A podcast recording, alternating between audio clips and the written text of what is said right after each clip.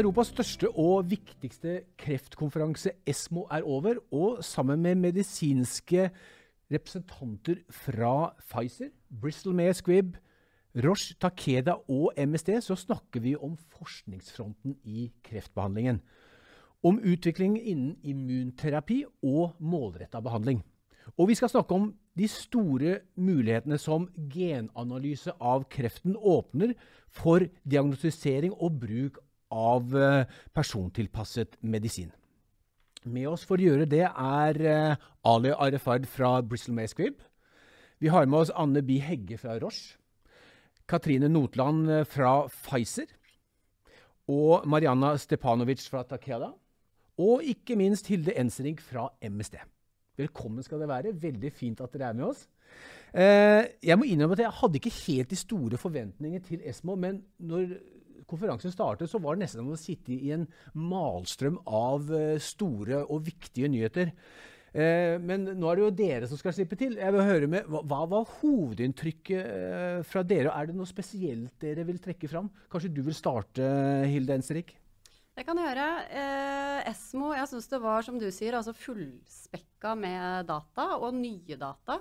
Utrolig mye spennende. Eh, jeg har lyst til å trekke frem tre ting som jeg syns var ekstra eh, omfattende og, og, bra.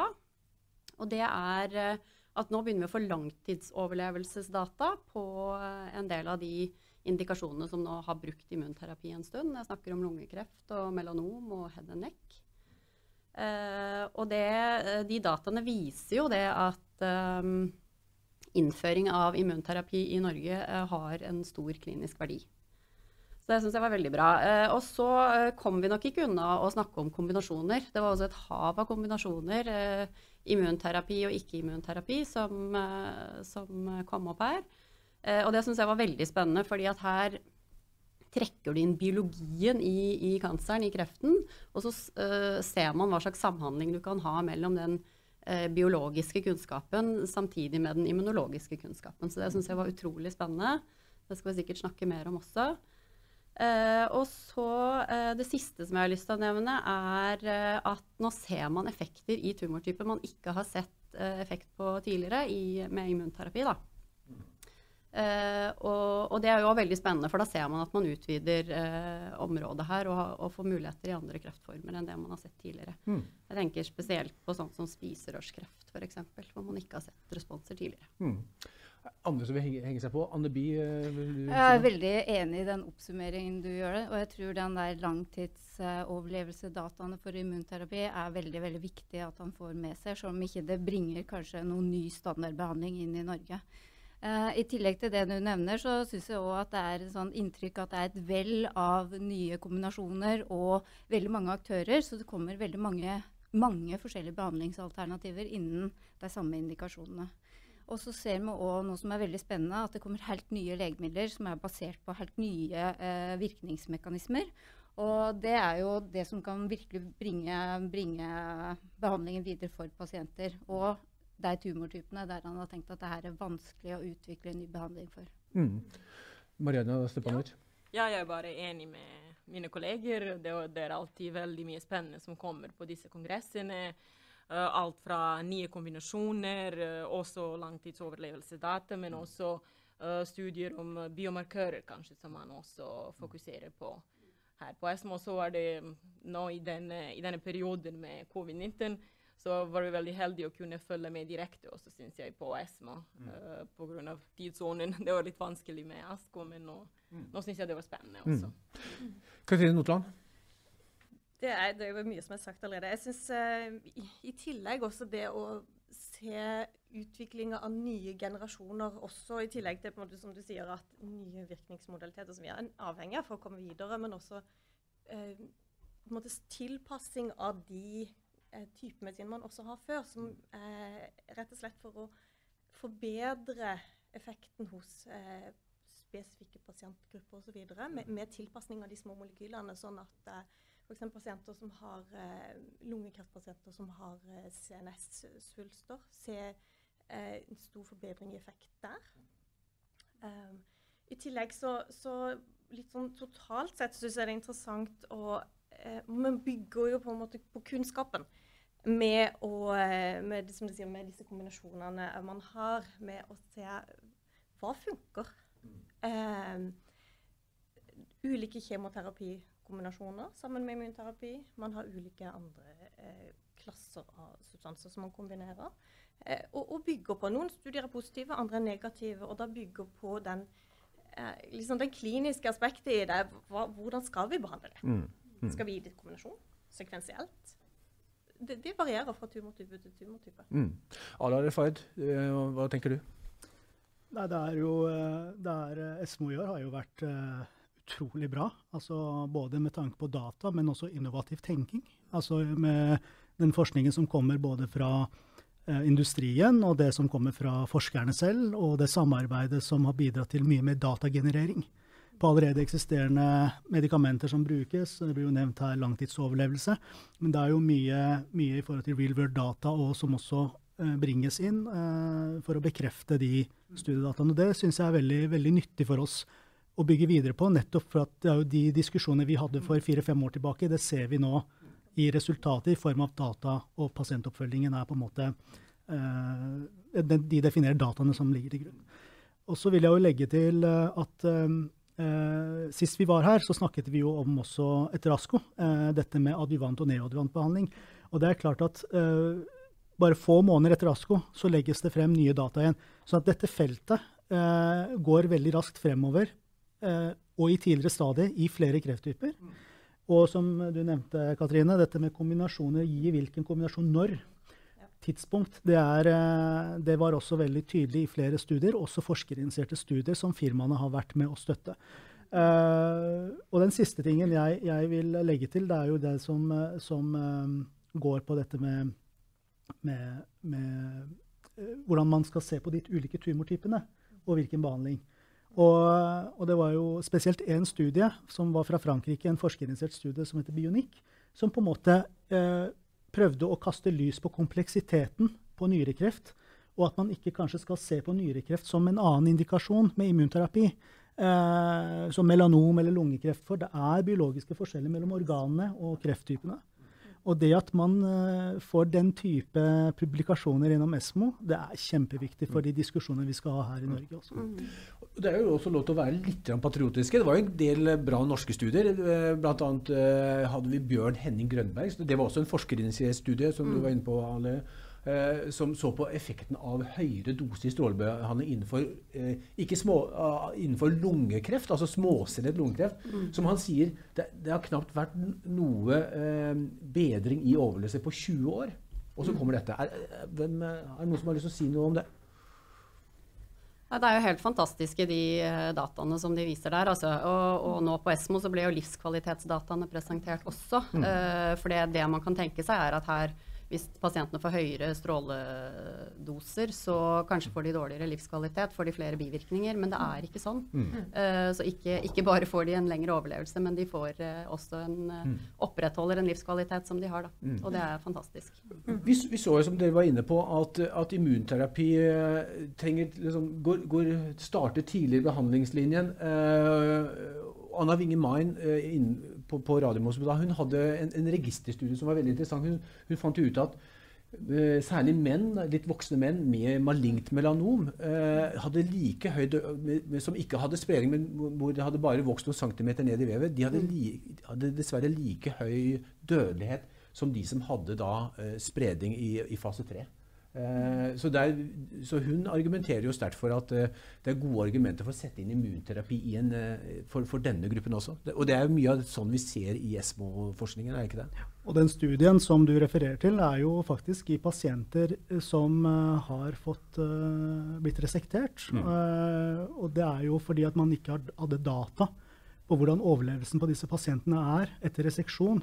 Og det er fordi at det ikke finnes noe adjuvantbehandling egentlig i Norge. Mm. Det har ikke vært det for malignt melanom før, mm. før nå mm. siste år, året, halvannet året.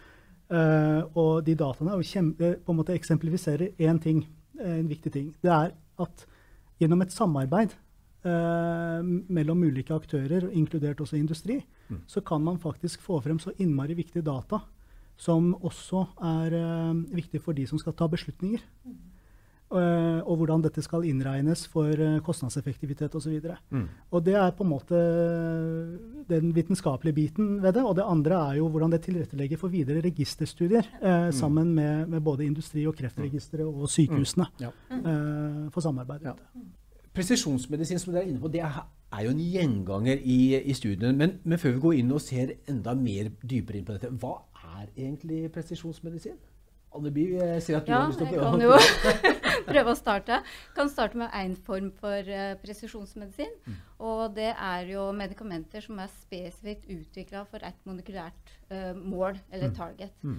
Og der bruker en ofte genanalyser for å identifisere f.eks. en genetisk driver som er med å drive da, tumorveksten og tumorprolifereringen. Mm. Og der begynner vi bl.a. i lunge å se at eh, lungekreft består ikke av én type lungekreft som er ikke småcella eller småcella, men veldig mange små undergrupper. Og Mm. da snakker vi om uh, så små undergrupper at man begynner å snakke om prosent. Ja.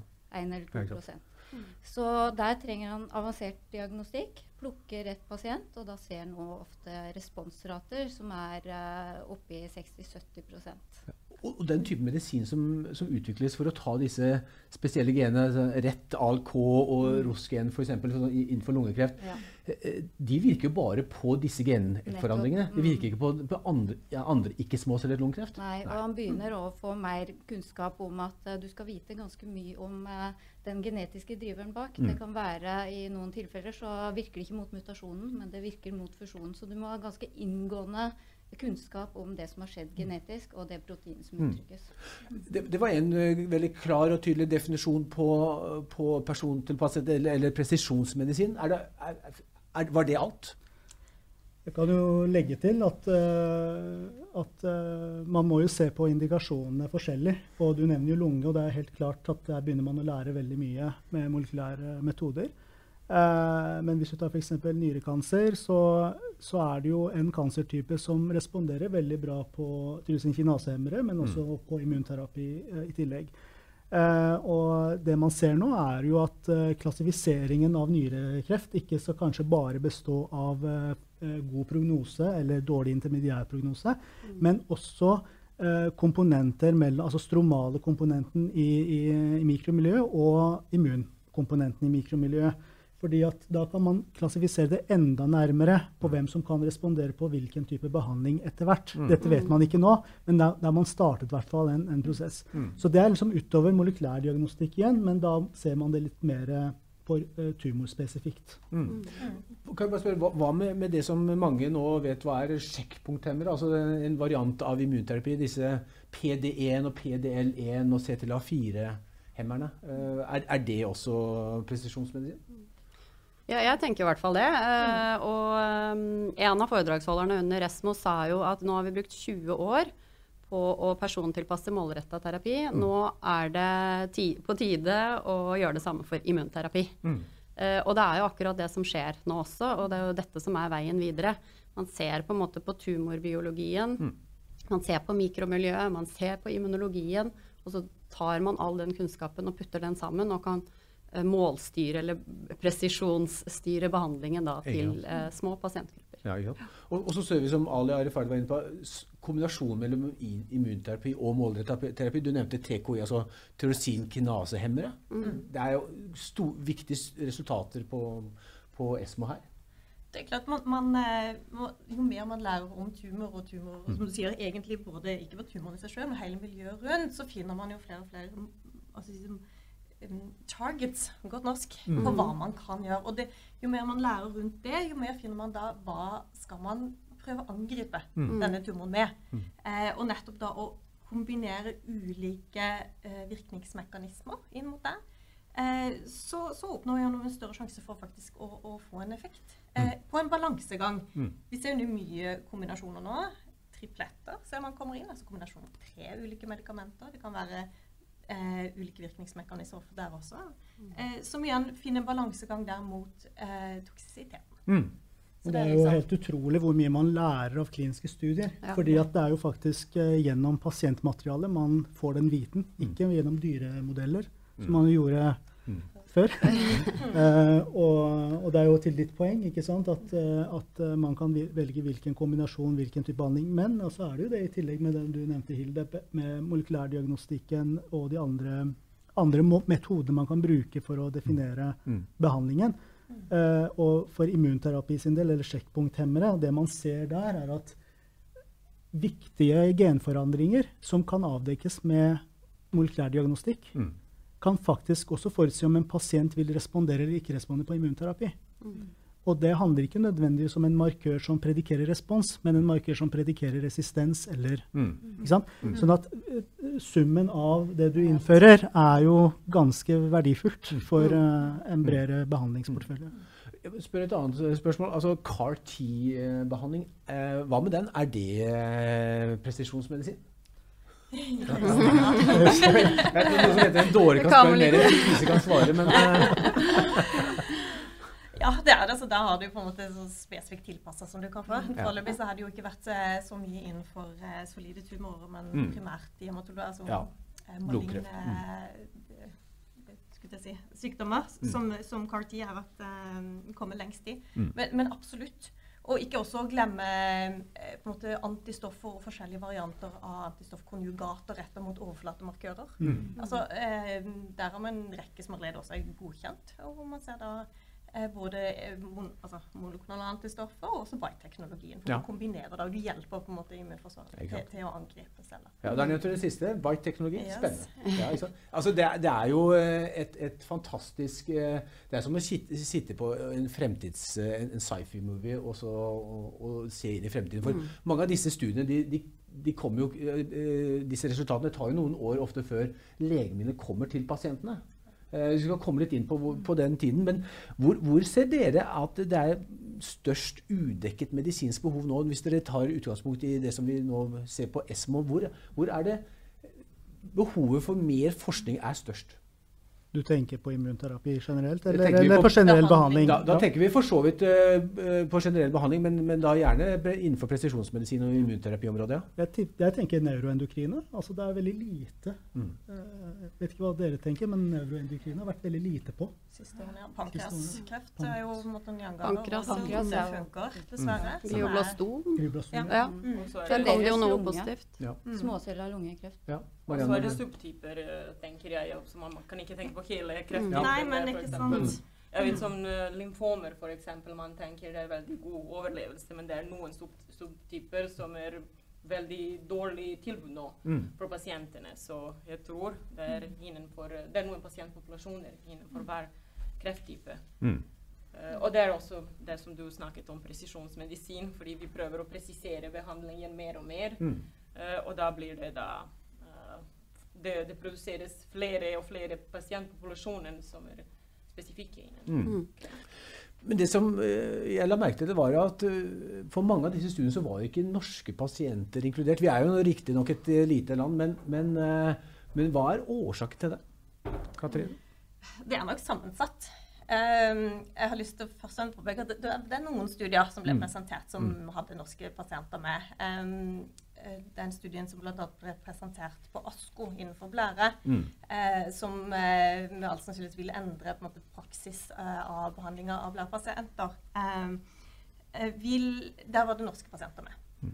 Eh, det ble også presentert en eh, studie som ble ledet av en utprøverinitiert studie, igjen støtta av industri, eh, innenfor endometrikanser, altså livmorkreft. Mm.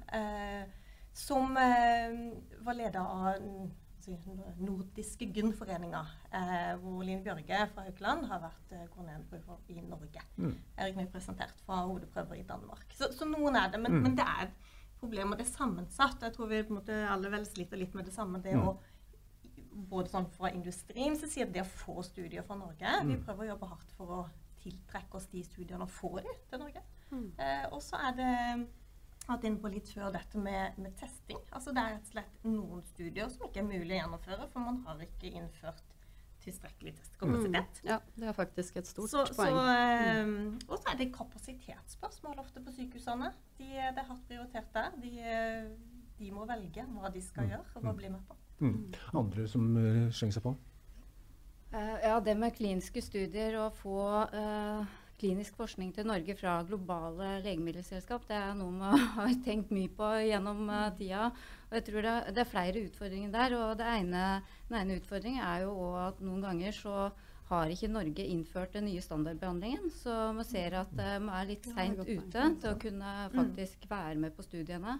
Og hvis du skal få de studiene til Norge, så må du, være, du må på en måte være proaktiv. Miljøene må være på ballen. Du må ha ressursene klare. Du må følge med på den kliniske forskningen. Du må ha gode utprøvere, og det har vi i Norge. Det har jo bl.a. Bjørn Henning Grønberg og mm. Åslaug Helland ja. vist at uh, kvaliteten er her. Man har mulighetene, men man må på en måte jobbe sammen og kanskje litt raskere og bedre for å klare det. Mm. Så det er mange utfordringer som man kan komme inn på her, egentlig. Jeg tror det blir spesielt utfordrende når pasientpopulasjonene blir mindre også, fordi der blir vi jo påvirket fordi vi er et lite land. Mm. Og hvis du i tillegg da kanskje må gjøre en genanalyse, som vi ikke gjør i, i Norge, ja så, så, har vi et stort problem med å få de mm. studiene. Og På det tidspunktet disse studiene startet, som ble mm. presentert nå, så mm. var vi jo en liten dal mm. i forhold til kliniske studier i Norge. Mm. Så det henger jo litt sammen med hvorfor det er veldig få norske ja. pasienter med på ja. de studiene. Ja. Uh, men jeg er også helt enig med, med det du sier, uh, altså i forhold, til, um, i forhold til kompetanse. Det, vi prøvd, det, gjør vi jo alle i firmaene. Vi promoterer jo norske kreftforskningsmiljøer våre, til våre hovedkontorer. Uh, og det har jo ført til uh, flere forskerinitierte studier. Vi også er bidra, bidragsyter også mot translasjonell medisin. Men uh, jeg vil også trekke fram en annen viktig faktor. Mm. Pasientreferering. Hvis ikke pasienter blir referert til studier mm. Vi kan ikke kjøre studier på alle sykehus. Syk, det er Centers of Excellence for studier som kan gjøre studier. Det der, der det er infrastruktur, ressurser kunne gjøre det, og kompetanse. Det har vi ikke på alle sykehus. Mm. Men hvordan da Uh, helsepersonell, spesialister på andre sykehus får vite om at det faktisk eksisterer en studie. Mm. Det blir jo bedre og bedre nå. Mm. Men det er det som er en, en viktig faktor med pasientinklusjon. nå. mm. Nå er det jo en ny handlingsplan, eller det kommer en handlingsplan for å få, som er initiert av helseministeren, nettopp for å få flere studier til uh, Norge. Uh, hvilke råd er det dere vil gi til helseministeren her? Ja, jeg tenker uh, alt det vi har snakket om nå. Mm. Uh, og det er også å få da ressursene på plass, uh, mm. som NGS-testing. Mm. sånn at etter hvert, etter flere år, så kan kompetanse bygges. og da er det mye lettere å få, få med disse sentrene. Mm. Mm. Man må også la, la klinikerne og forskerne få faktisk tid til å fokusere på å gjøre forskningen. Fordi å gjøre forskningen uh, på lørdag kveld eller fredag ettermiddag, det, det, er ikke optimalt. Så de må på en måte få tid til å gjøre det, og mm. gjøre det ordentlig. Mm. Vi skal over på et uh, nytt tema. Vi skal snakke om genetisk testing av kreften, såkalt Next Generation Sequencing, eller NGS, godt forkortet. Ved å kartlegge genetiske særtrekk eller drivermutasjoner i en kreftsvulst, så kan kreftlegene skreddersy behandlingen til den enkelte pasients kreftsykdom. Esmo la frem nye europeiske retningslinjer for gentesting av kreft. Og vi intervjuet Daniel Heinrich, som er uronkolog og leder av Norsk onkologisk forening, for et par dager siden. La oss høre hva han sier. Hva er nytt? Det er egentlig at det for første gang er en ordentlig anbefaling om genomisk testing av uh, svulstvev, uh, såkalt genpaneltesting.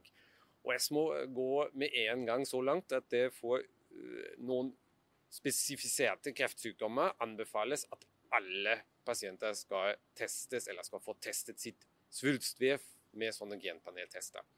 Um, det er mye lengre enn andre organisasjoner har gått til nå. Og, og, det er for oss veldig gledelig, for nå har vi endelig noe å slå i bordet med når vi snakker med våre arbeidsgivere, uh, når vi snakker med de som skal betale for genpaneltesting, når vi snakker med myndighetene, når vi snakker med Beslutningsforum. Um, I tillegg så sier faktisk Esmo at alle kreftpasienter skal på individuell basis vurderes for genpaneltesting. Så, så, det er litt sånn punkt nummer én om dette. Punkt nummer to er at de sier at de pasientgruppene som skal testes, de skal ikke først testes før de starter med aller siste behandlingslinje, så når alt annet er prøvd. De skal testes med en gang de får påvist spredning. Og det tredje det er at ESMO krever at disse testene gjøres ikke bare med et begrenset genpanel, sånn som det er etablert på noen norske sykehus, alt mellom 10-12-15 og kanskje opptil 100-150 gener. Nei, de sier helt klart og tydelig de største genpanelene skal brukes. For man kan aldri vite hva som kommer av nyheter bare om et år fra nå. Og da bør den testen være gjort allerede. Ja, Det var en eh, entusiastisk og utålmodig Daniel Heinrich. Er dere utålmodige? Absolutt. Nei, bare...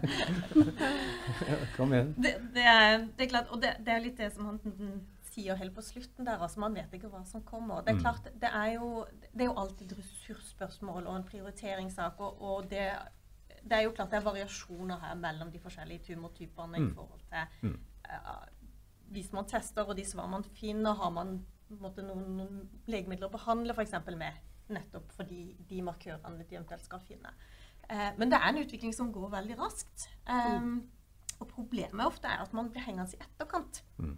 Så det å tenke at hvis man nå nettopp det å innføre det Kanskje noen vil si det tidlig, fordi at man da ikke nødvendigvis har noe å gjøre noe med det i etterkant. Ja. For en del av de. Men, men uh, det går fort. Mm. Så plutselig har vi behandlinger for de ulike. Ja, ja for, for, som du sier, det, det, er jo ikke alle disse genene som vi har behandling for på langt, langt nær. Altså, men, men, men skal, er, er, det et godt argument for å stoppe eller å bremse dette? Ja.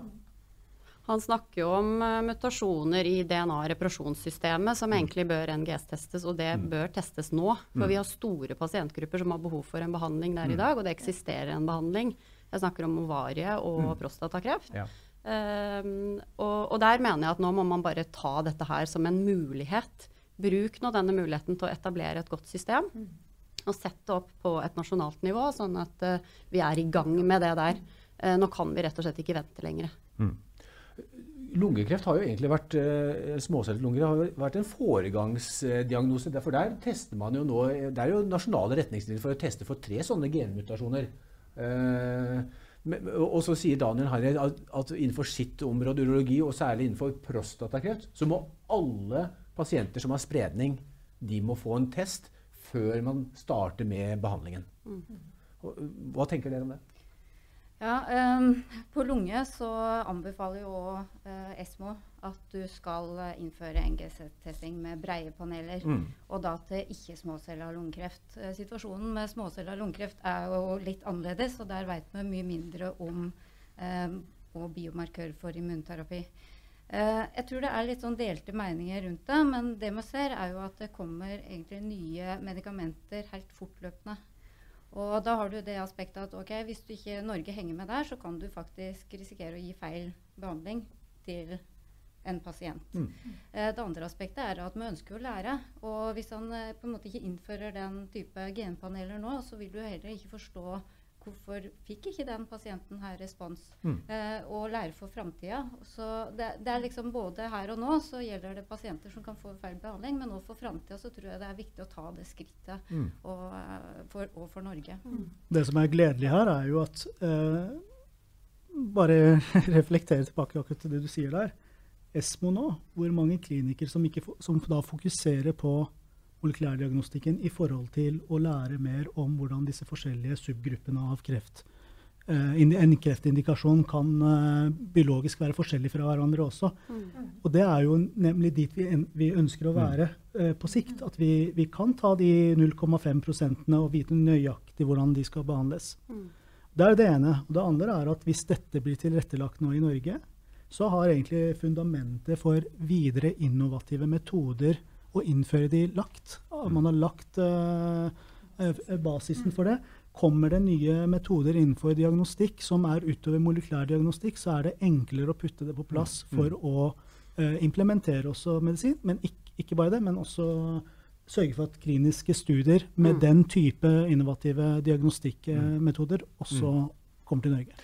For, det er jo et lite paradoks at uh, man kan gå ned til uh, Aleris og få gjennomført en NGS-test av uh, kreften sin og betale et sted mellom 40 000 og oppover. Mm. Men man kan ikke gå til Ahus eller Rikshospitalet og få gjort det samme. Uh, det skaper jo et todelt helsevesen for i hvert fall de pasientene som både har kunnskapen om hva jeg kan kjøpe, og har pengene. Mm. Er det ikke slik? Jeg syns bare at det, det, som han nevner Uh, hvor viktig det er at det er kommet i ESMO-retningslinjer. For man må ha noen grunnlag for å, for å ta det med kostning. Uh, så nå syns jeg det er et viktig skritt at dere er kommet mm. inn i mm. ESMO guidelines. Uh, i tillegg til alt det som ble sagt her nå, Mm. eh, at man må gjøre det klar, eh, veien klar for nye Mm. legemidler som skal komme. Men vi er jo på godt vei til Ja. å få det innført. Ja. Vi har jo ulike arbeidsgrupper som jobber med det. Mm. Så, så det er jo Vi er nok nærmere en løsning nå enn det vi var for et år siden. Mm, ja. Men jeg, jeg værer at dere mener at uh, NGS-testing er en uh, selvfølgelighet i moderne kreftbehandling? Det er, det, er det, det er ganske stor enighet om det? Det er Absolutt. Mm. Det legger på en måte grunnlaget Ja. Ja. for nettopp det. Og som du sier, at det, det som er sånn sånn totalt sett er morsomt med er at det, nettopp det at det, du bygger grunnlagen for, for kunnskapen Mm. på eh, ikke bare på en måte den ene eller andre behandlinga, men da Mm. hele behandlingsløpet.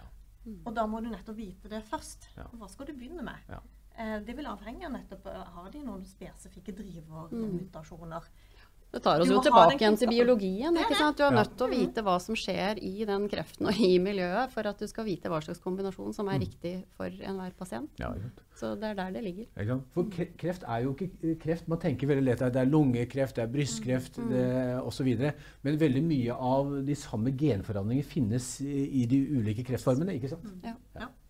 Eh, Så, så hvor hvor utålmodige er dere? Når er det altså, Daniel Heinen sier at de har jo NGS-maskinene oppe på Ahus. og Sånn er det på en, en rekke store norske universitetssykehus. universitetssykehus. Men de er jo i lite bruk. Det er stort sett uh, innenfor kliniske forsøk, i, i beste fall. Når er det man skal slå på disse maskinene? Nå. Nå, ja. Man bør ha en nasjonal eh, plattform også, Ja. sånn at det er samkjørt. Ja. Så det, det jobbes det jo for å få til. Ja ikke sant? Det jobbes for det. Vi får håpe at det jobbes raskt. Håper det skjer nå. Og det, men, det, men, det, men det gjør det. Ja. Eh, Det gjør det i et uh, kryssfunksjonelt uh, samarbeid mellom industri, myndigheter og akademia og helsepersonell. Mm. Det var det vi ønsket fra industrien at vi skulle få til. Mm. Og det får vi til nå. Og så kan vi bruke det som et eksempel på hvordan vi kan samarbeide om å innføre andre ting også, etter hvert som innovasjonene kommer på samlebånd. Vi snakket med Åslaug Helland, en av Norges fremste lungekreftleger og forskere også. Eh, Hun snakker om en, en studie som heter Impress Norway, der de skal bruke legemidler utenfor indikasjon, og så skal de teste med fem, en 500 genpaneler pluss eh, eh, 170 gener på RNA-nivå. Eh, er, er, er, er noen av dere involvert i, i den studien? Involvert i diskusjonen rundt den, ja. Ja. Eh, Så det tror jeg vel er nesten alle firmaene i Ja, Norge som det er jo et stort ønske å få med Ja. firmaene her. Um, så, så det er jo det, er jo- det på en måte en, en viktig skritt videre. Eh, og del av ikke bare, altså Dette er ikke noe som bare skjer i Norge. Det er Mm. på en måte et, et større um, si, behandlingsprinsipp, eller si, en, en tankegang. Så studier allerede pågående i en del andre land. Mm. Eh, og tanken er jo litt at man skal da dele dataene fra denne studien Mm. med disse andre. For nettopp man kommer ned i her i så små kohorter. Mm. Eh, at skal man lære å på en måte få nok data, så må man måtte ta det, dette samarbeidet litt på tvers. Og den studien er- den er spesielt relevant for de som har da genmutasjoner i kreften. Eller det er egentlig det studien dreier seg om, ikke sant? Hva- men, og så skal man bruke da legemidler utenfor indikasjon på nye eh, Det som kun kan bli en indikasjon senere. Hva, hva konkret er nytten for pasientene her? Det er jo det man ønsker å finne ut av. Mm. Om du kan ha agnostiske markører, om en alkemer kan brukes eh, i en kolorektalsammenheng som en Mm. lungesammenheng, Mm. eh, eller en EGFR-hemmer, og du kan bare fortsette og fortsette. Det fins jo legemidler per i dag og har eksistert lenge, ikke sant? som det ble nevnt tidligere her, eh, mot mutasjoner. Men det er jo innenfor begrensede indikasjoner. Ja.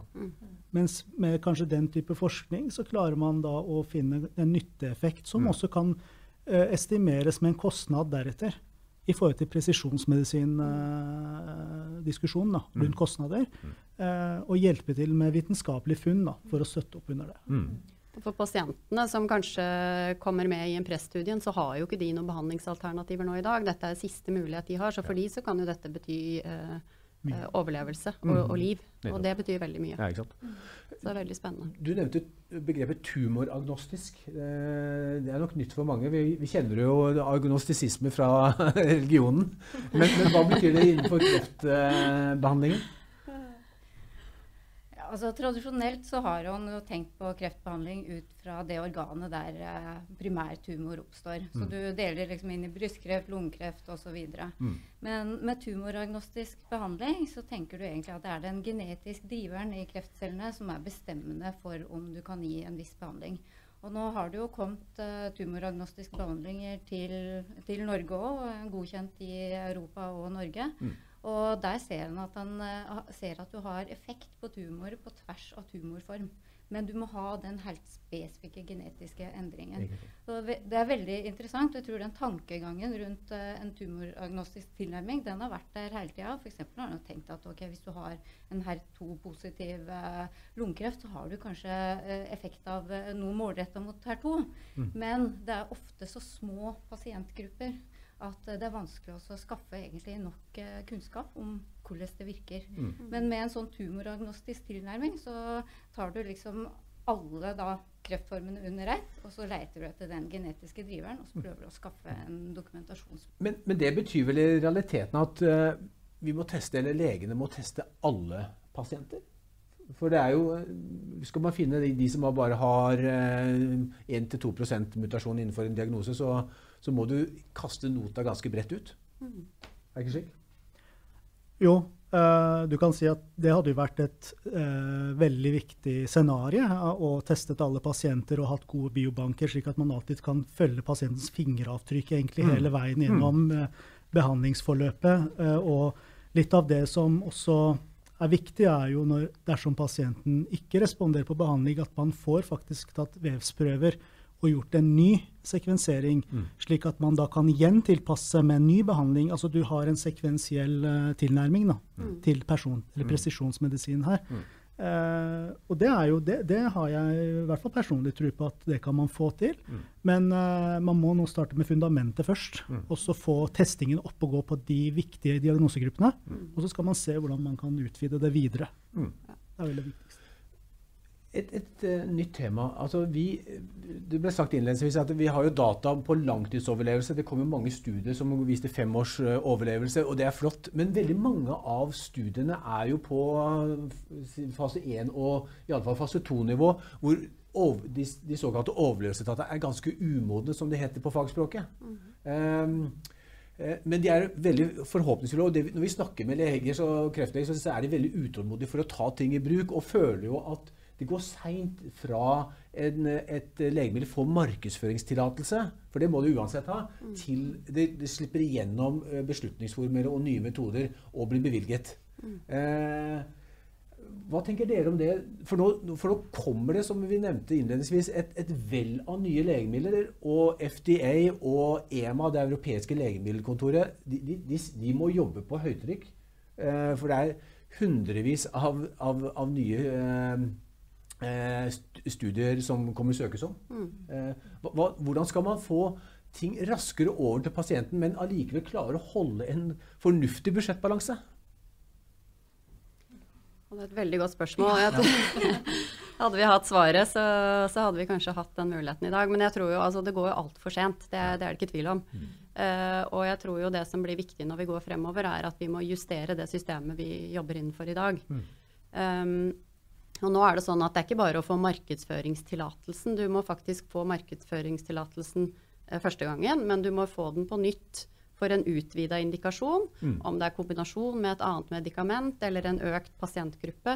Så det er ikke sånn du har markedsføringstillatelsen, så er det gjort. Det er for hver eneste indikasjon, hver eneste kombinasjon, så må du gjennom en, en stor prosess hele tiden. Så der har man helt sikkert muligheter til å justere på, på farten. Hvis man kunne gjøre noen litt uh, forenklede løp. Ja, og og, det var og det eksisteres. Det var på markedstillatelsessiden, liksom, Ja. ligger, det ligger jo egentlig utafor Norge. eh, For, for, eh, Ja, det gjør det jo. Men hva, hva, hva skjer når et legemiddel er, har fått eh, og, og det automatisk også skjer i Norge? Og så skal det jo da bevilges penger i realiteten til å ta det i bruk. Altså, nå har vi jo de prosessene som påligger, da. Og så er det jo det oppunder vurdering, ikke sant. Uh, så må vi se hva som kommer ut fra disse vurderingene. Men jeg tror det handler om å starte et sted for aksept. Aksept på hva er godt nok. Uh, aksept for at man skal kunne ta i bruk og tilrettelegge for gode registerdata og real world evidence, som skal etterprøve de kliniske pivotale studiene. Også aksept for at når man beveger seg mer og mer i tidligere stadium mot neoadjuvant adjuvant sammenheng, så har man ikke overlevelsesdata med en gang.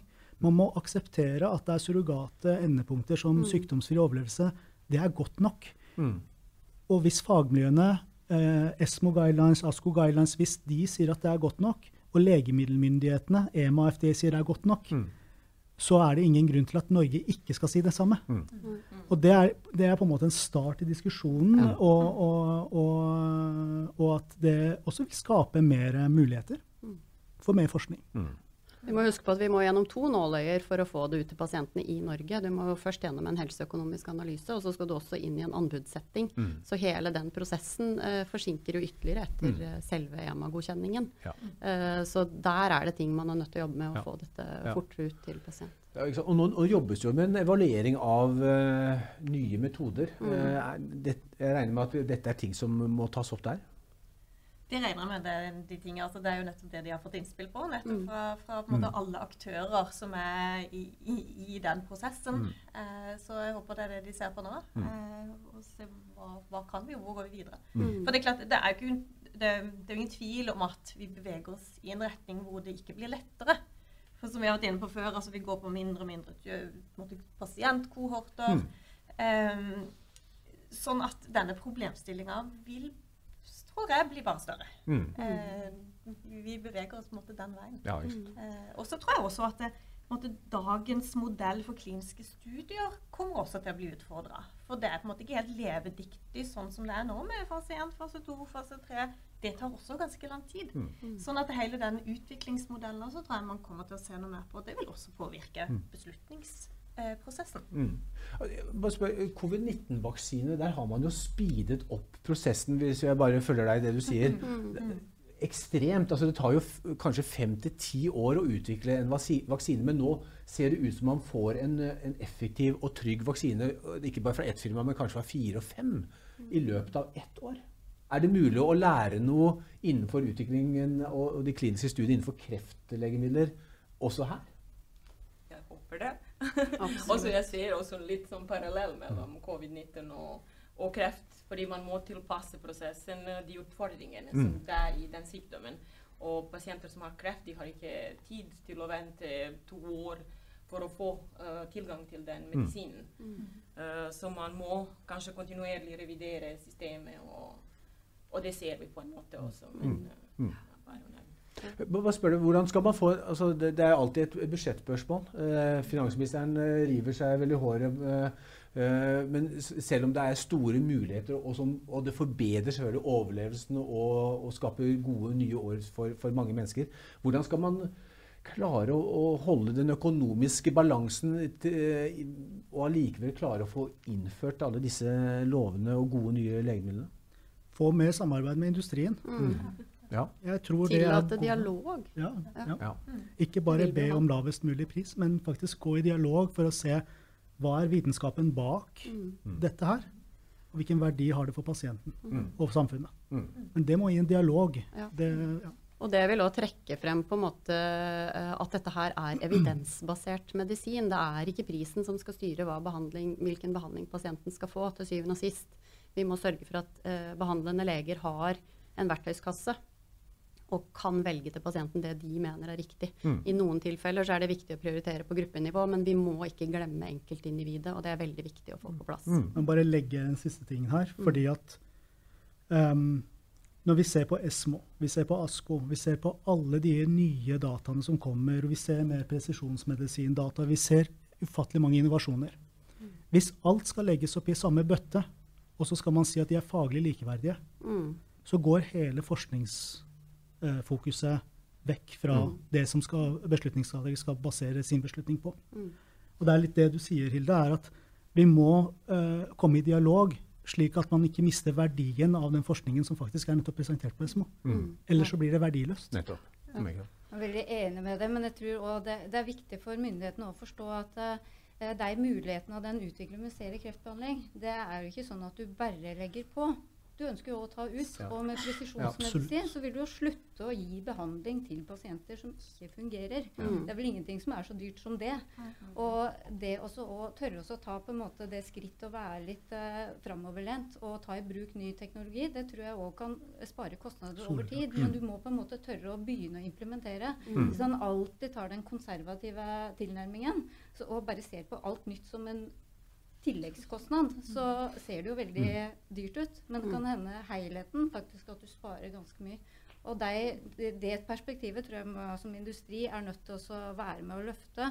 Og slutte å se på legemidler som en isolert kostnad, men å se på hele systemet vi har innen helse. Å selge genterapi er vel kanskje noe av det siste som nå har kommet. Eh, Du nevnte jo Mm. KRT, og, og det er jo nettopp akkurat det du sier. Man må begynne et sted. Man Mm. må begynne å ta, ta det i bruk, og så lære.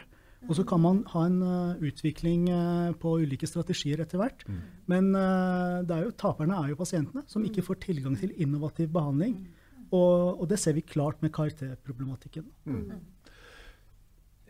Vi kan i hvert fall slå fast at det har vært et veldig innovativt Esmo. og det, det bærer jo positive bud om at, at ASKO til, eh, til våren og sommeren kommer antageligvis til å må toppe dette. Eh, vi får se. Eh, jeg vil i hvert fall takke alle dere for at dere var med i studio. Ali Arifat fra BMS, eh, Anne Bie Hegge fra Roche, Katrine Nordland fra Pfizer, Marianna Stepanovic fra Takeda og Hilde Ensenik fra MSD. Hjertelig tusen takk for at dere ville komme. Takk for invitasjonen. Takk for at vi fikk komme.